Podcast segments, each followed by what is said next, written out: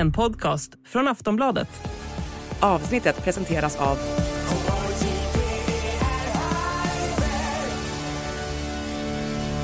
Stödlinjen.se, åldersgräns 18 år. Välkomna till Aftonbladets politikpodd En runda till. Jag heter Olivia Svensson, experterna heter Lena Melin och My Råväder och idag ska vi prata om partipengar. Har begreppet politiskt spel fått en helt ny betydelse?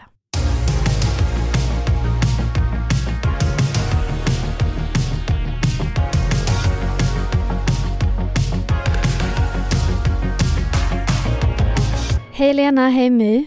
Hej. Hej Olivia.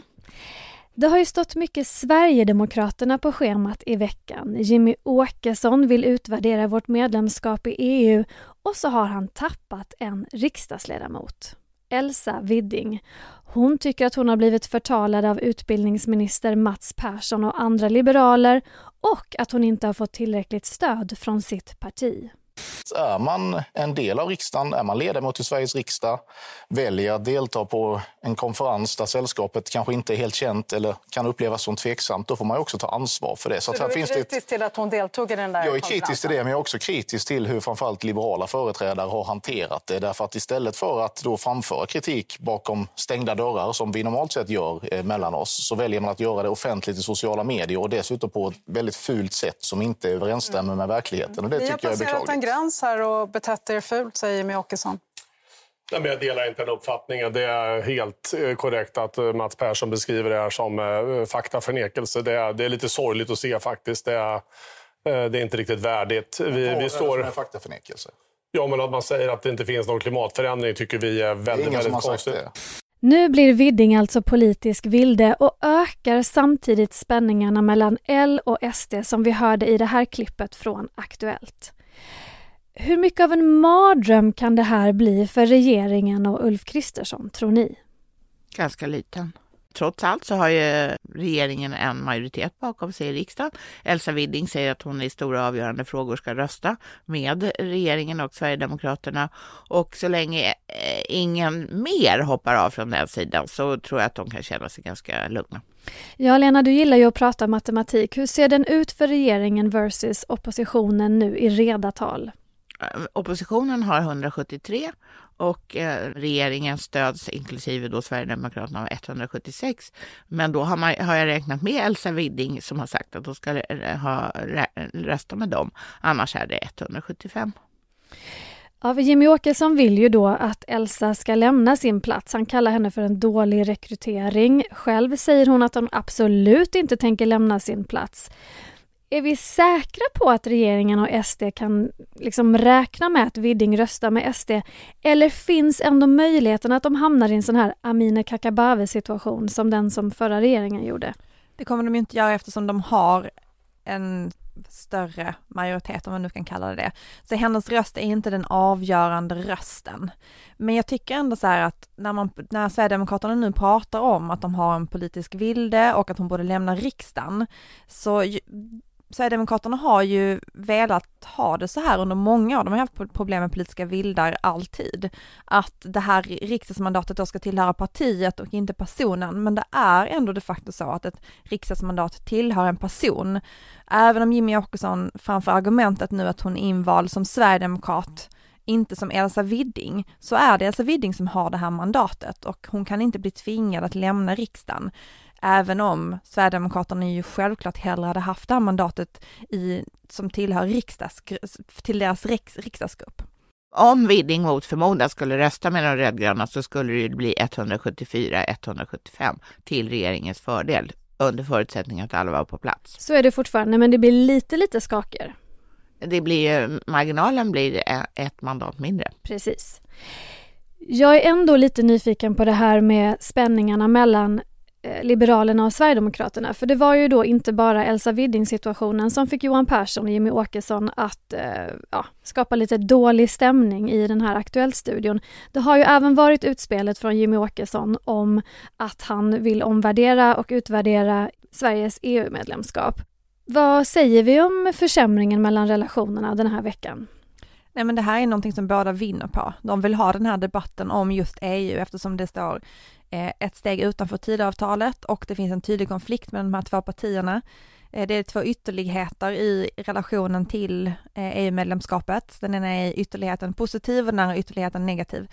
Och de ska ju in i en valrörelse nu så de vill skapa lite dynamik. Så att de var, det var två nöjda herrar som ändå debatterade. De gillar den här dåliga stämningen. Det är bra för dem.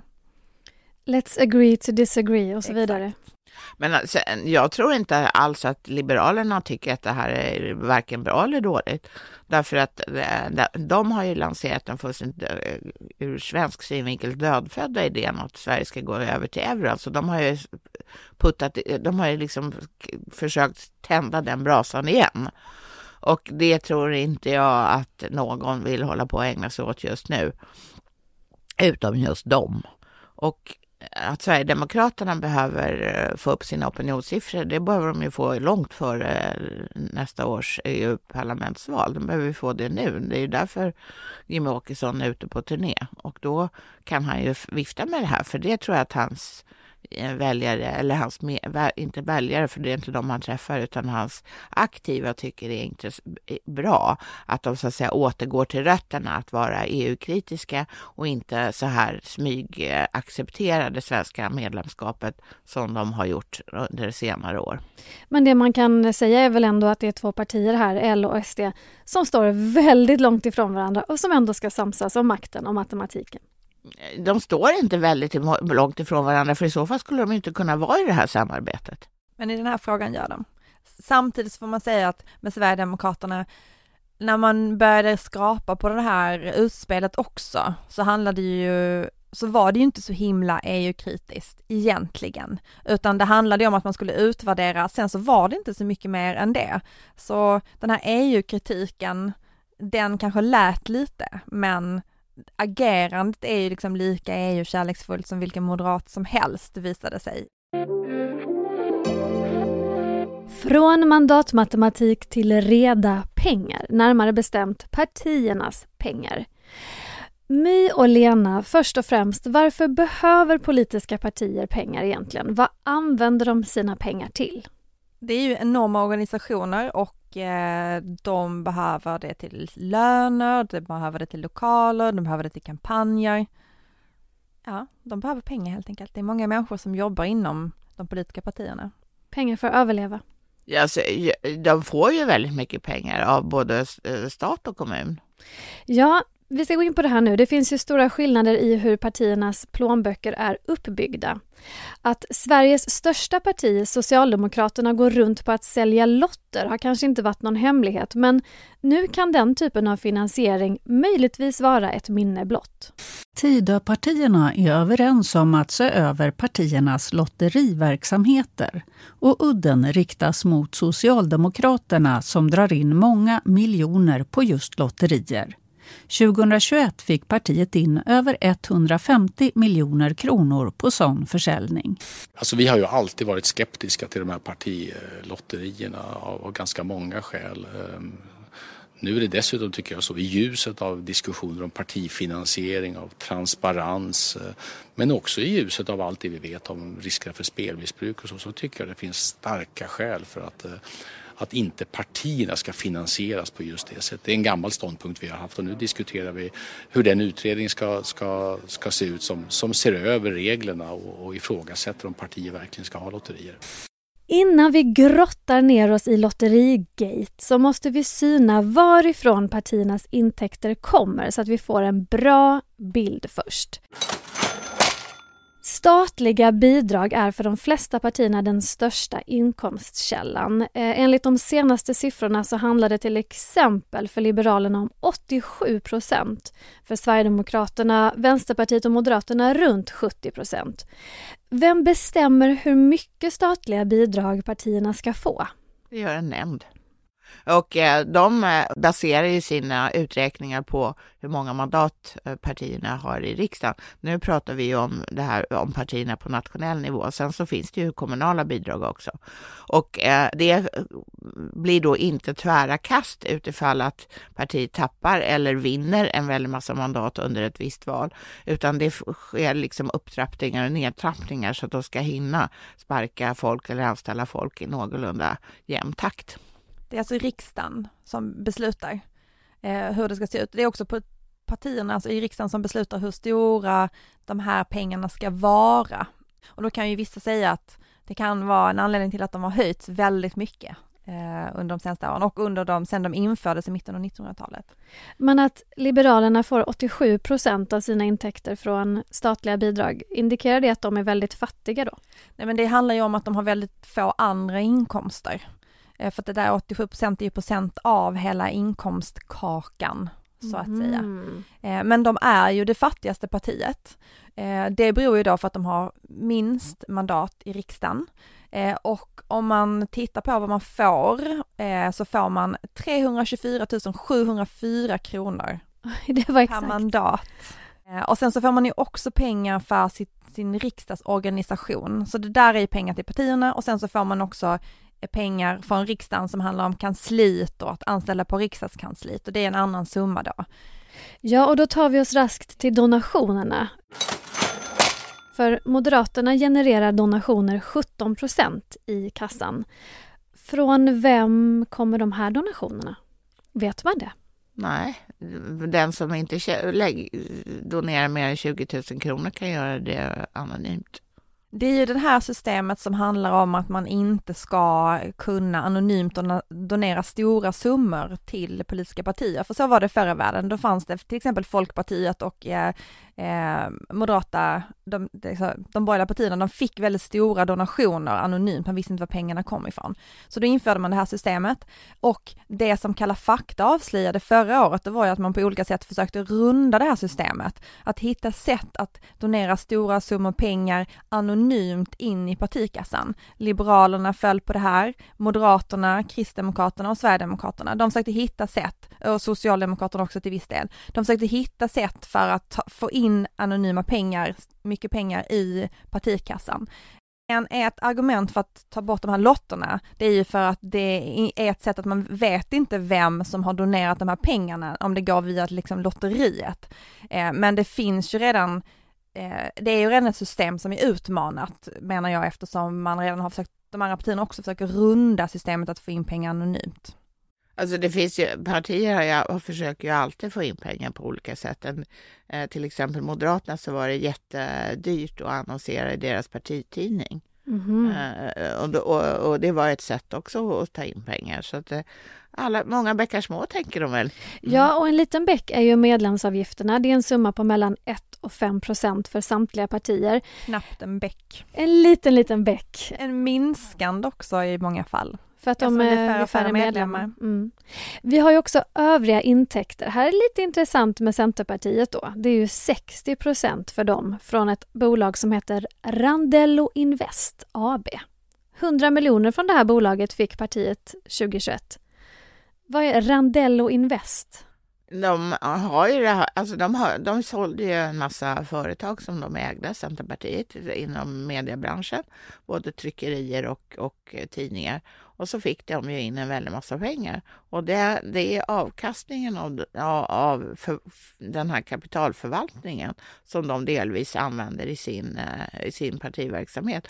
Och då bestämmer de ju hela, varje år hur mycket de vill ta, ta in i sin kassa, sin partikassa från avkastningen från eh, de här pengarna. Och då brukar de ta mer eh, inför val då, eller under valår än andra år. Selling a little or a lot?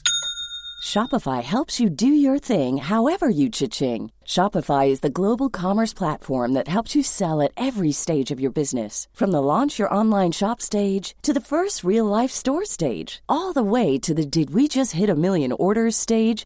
Shopify is there to help you grow. Shopify helps you turn browsers into buyers with the internet's best converting checkout. 36% better on average compared to other leading commerce platforms because businesses that grow grow with Shopify. Get a $1 per month trial period at shopify.com/work. shopify.com/work. Visst fattar man då varför Centerpartiet har en klöver som partisymbol, eh, My? Det är väldigt passande. Alltså det är Sveriges rikaste parti. Jag de säger att det till och med är Europas rikaste parti och ibland Oj. säger de att det till och med är världens rikaste parti. The mind boggles inför den här I förhållande då till någon slags folkmängd eller vadå? Ah, jag vet inte, det, det tänker jag kanske är orimligt att det ska vara världens rikaste parti. Men eh, alltså Europas rikaste parti, de är ju väldigt rika. Så rika och fortfarande så små. Det är ju lite deppigt för dem ju. Små men glada. Alltså jag skulle kunna säga att där staten och partiet är ett, som till exempel i Kina, så tror jag att partiet är bra mycket rikare än Centern. Låt oss nästan hoppas det. Ja. Um, men nu kommer vi då till den finansiering som kan vara hotad, nämligen försäljning och lotterier. För Socialdemokraterna handlar det alltså om 45 procent av intäkterna, nästan hälften. Till och med jag som inte är ett mattegeni förstår att det är nästan hälften. Alltså 2021 var det mer än hälften. Ja, till och med. Mm.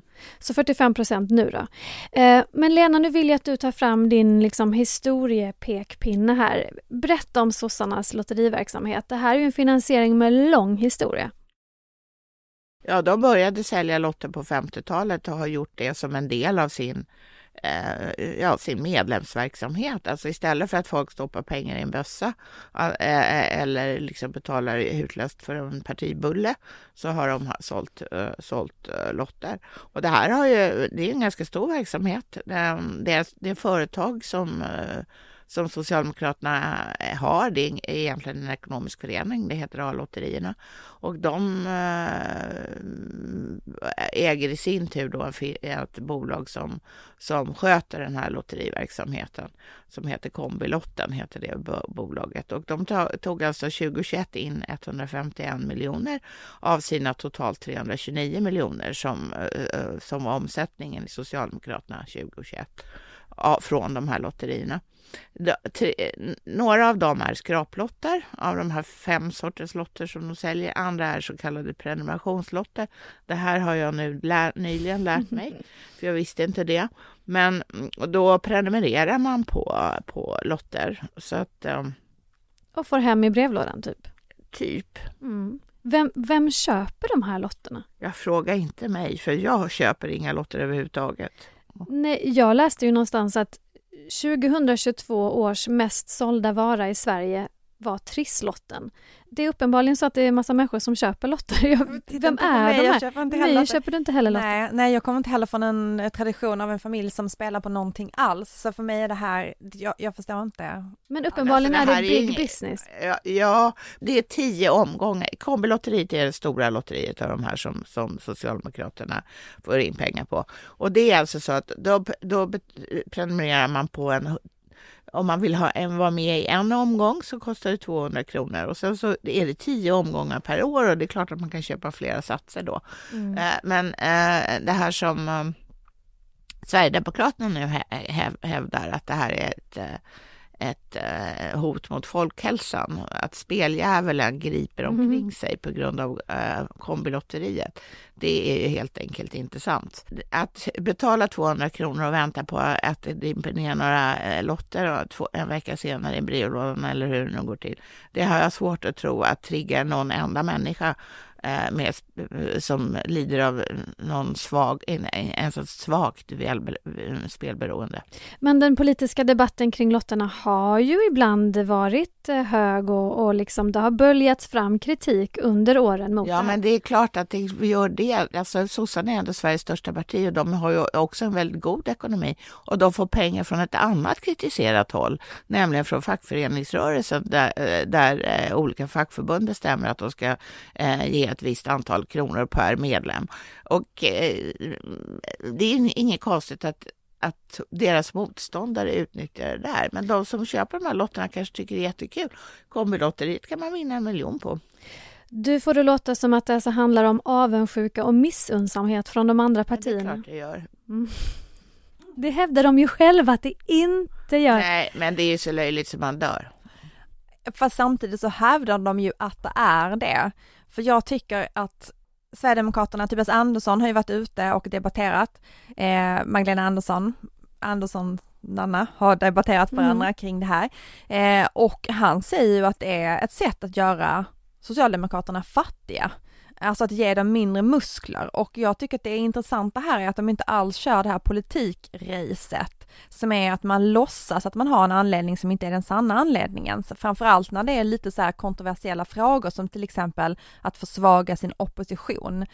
Eh, och att i liksom vanlig politik så skulle de ju kanske gömma det här då i en utredning som hade en översyn över spelmissbruk, eh, hur man säljer lotter och så skulle man inte säga att man specifikt gjorde det för att man vill komma åt sossarnas pengar. Mm. Eh, så det tycker jag är speciellt med den debatten, att de går ut och säger det. Men alltså jag tror att det är helt omöjligt att på statlig väg eh, liksom hindra någon organisation överhuvudtaget att finansiera sin verksamhet på ett fullt legalt sätt om man, eh, om man inte hittar på att det har med spelberoende att göra. Därför att det vore ju helt absurt. Om jag vill sälja lotter och har alla tillstånd för att göra det, varför ska jag inte få göra det? Men visst var det så att man tidigare kunde skickas till Kronofogden för att man inte hade betalt för de här lotterna men att det har man nu ändrat från Socialdemokraternas håll. Men alltså det, man kan inte längre köpa dem på kredit, alltså kan man inte hamna hos Kronofogden. Nej, just det. Ja, men om man sket att betala den räkningen så hamnar man hos Kronofogden precis som alla, man gör det för alla andra räkningar som man skiter i. Vi ska höra hur Magdalena Andersson har reagerat på det här med att regeringen vill strypa lotterierna. Sverigedemokraterna och regeringen vill nu gå fram med ett förslag för att tysta socialdemokratins röst. Det handlar om att stoppa den finansiering som vi har, liksom andra folkrörelser via lotterier. Och att det handlar om att tysta vår röst, det råder ingen tvekan om. De är tydliga med att det handlar om att nästa första majtåg, ja det ska vara tystare. Och de vill alltså inte att människor ska ha möjlighet att gå ut och protestera på gator mot regeringens politik när man sänker skatten för höginkomsttagare snarare än att satsa på vanligt folk. Hon säger ju då att hon tycker att regeringen vill tysta sossarnas röst. Det är ju en ändå ganska hård anklagelse. Men som ni nu för fram, det måste ju ändå vara så att alla tänker att de gör det för att skada oppositionen. Fast det primära målet är ju att minska spelberoendet. Sen att de dess, som Tobias Andersson upp, uttryckte det, näst, det, det sekundära, att det skadar sossarna, vad hade han inget emot? Det var ju fullständigt såklart. Men M och SD har ju också lotteriverksamhet. Moderaterna har, eh, SD startade en lotteriverksamhet men sålde inte en enda lott enligt, enligt Tobias Andersson. Det är ju det här, det är ju ingen, det är ju ingen big business för något annat parti än Socialdemokraterna. Nej, och där är det ju väldigt stor business, så kan man förstå om de är väldigt, väldigt oroliga nu? Jag hade ju darrat alltså, som ett Jag kan inte förstå att svensk grundlag skulle överhuvudtaget kunna eh, förbjuda någon människa att, ägna, att göra det där. Alltså jag förstår inte det. Du tror inte att det finns någon risk? Att Nej, i så fall måste man ju hitta på, då måste man väl säga att någon har hamnat i rännstenen på grund av sitt spelberoende, på grund av eh, lotter. Alltså, de flesta människor i Sverige ägnar sig överhuvudtaget inte åt att köpa lotter. Det är, har andas gammaldags. Det är omodernt.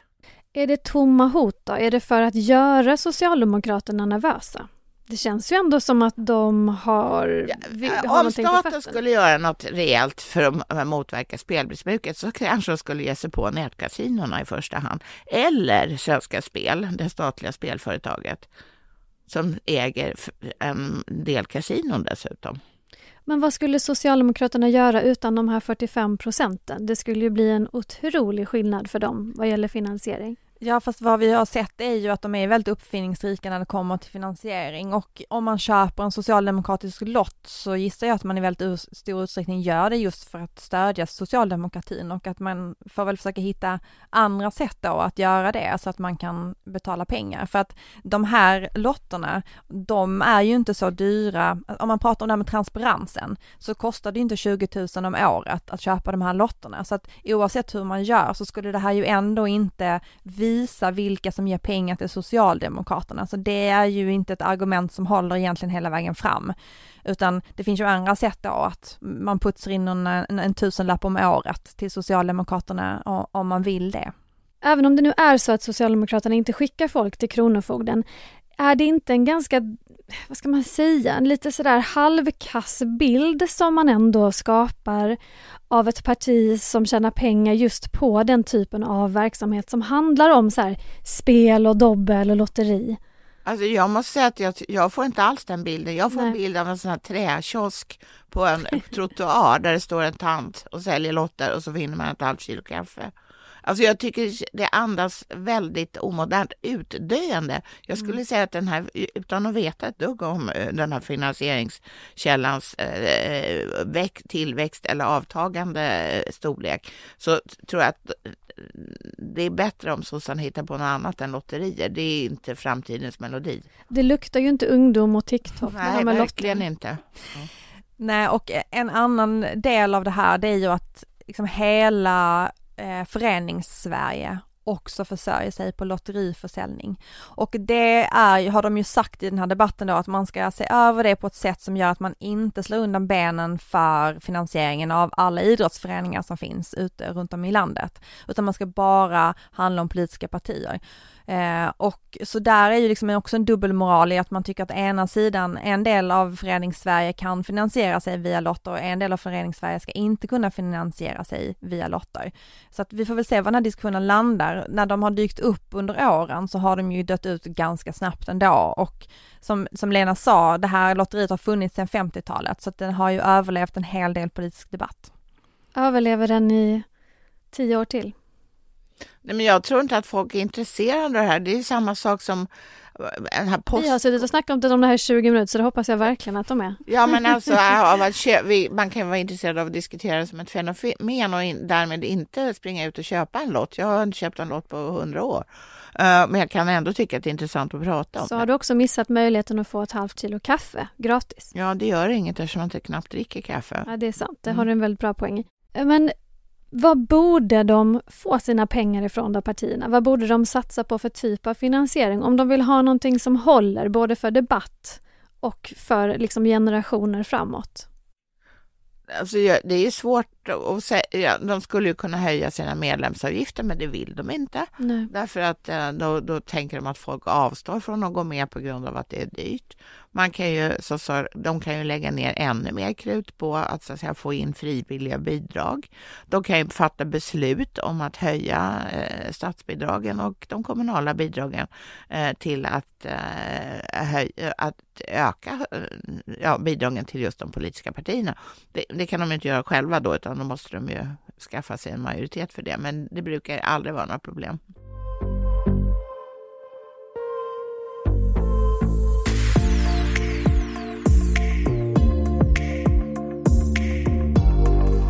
Vad man kan säga om den här lotteridiskussionen är väl i alla fall att det kommer att kunna leda till lite mer frostig stämning mellan oppositionen och regeringen. Och på tal om frostig stämning så är det ju en partiledardebatt på söndag. Det är SVT, det är Team Kvartoft Holmberg som ska leda den.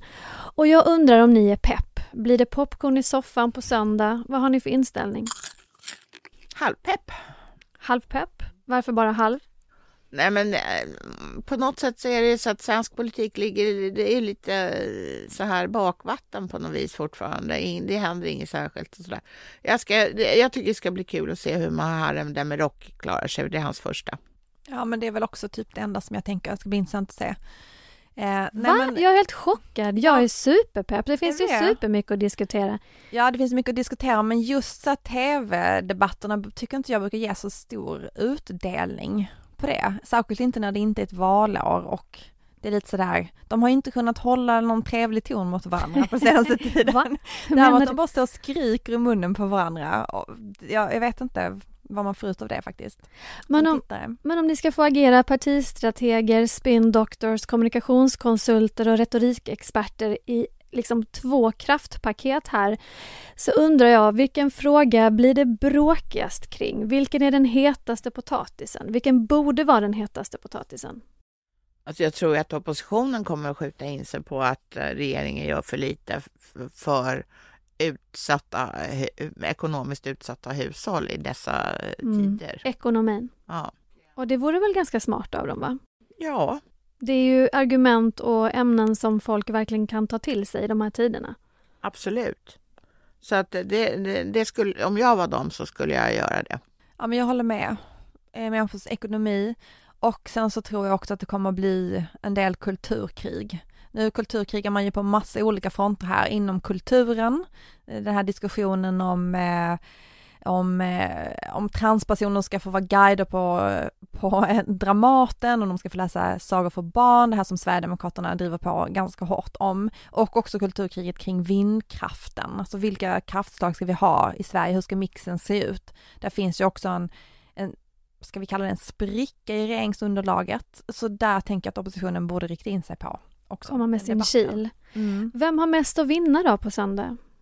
Ja, det är ju Demirok. Mm. Han, jag menar som är liksom typ utdömd redan efter snart säga, mars, april, maj efter tre månader som partiledare. Då kanske det också är han som har mest att förlora då, å andra sidan?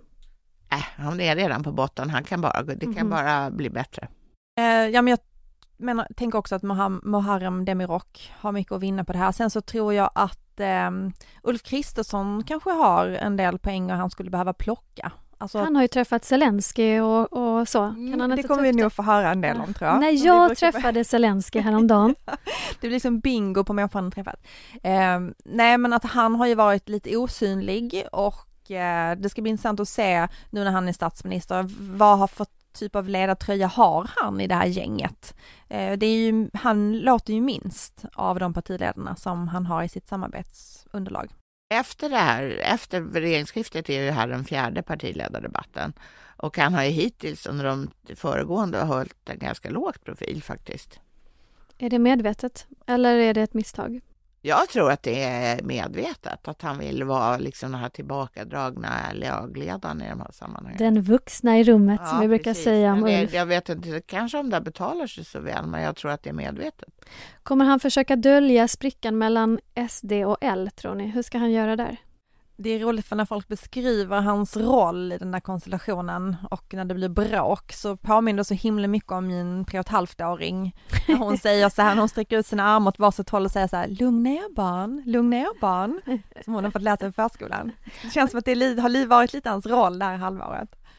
Vi ser vad söndagen kan bringa och ni lyssnare behöver inte gå och lottlösa på något som helst vis för nästa vecka är vi ju tillbaka med ett nytt avsnitt av En runda till.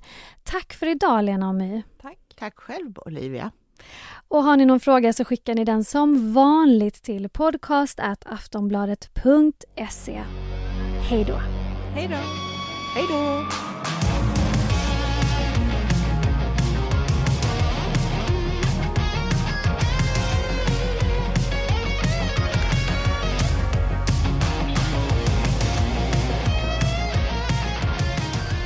Du har lyssnat på en podcast från Aftonbladet. Ansvarig utgivare är Lena K Samuelsson.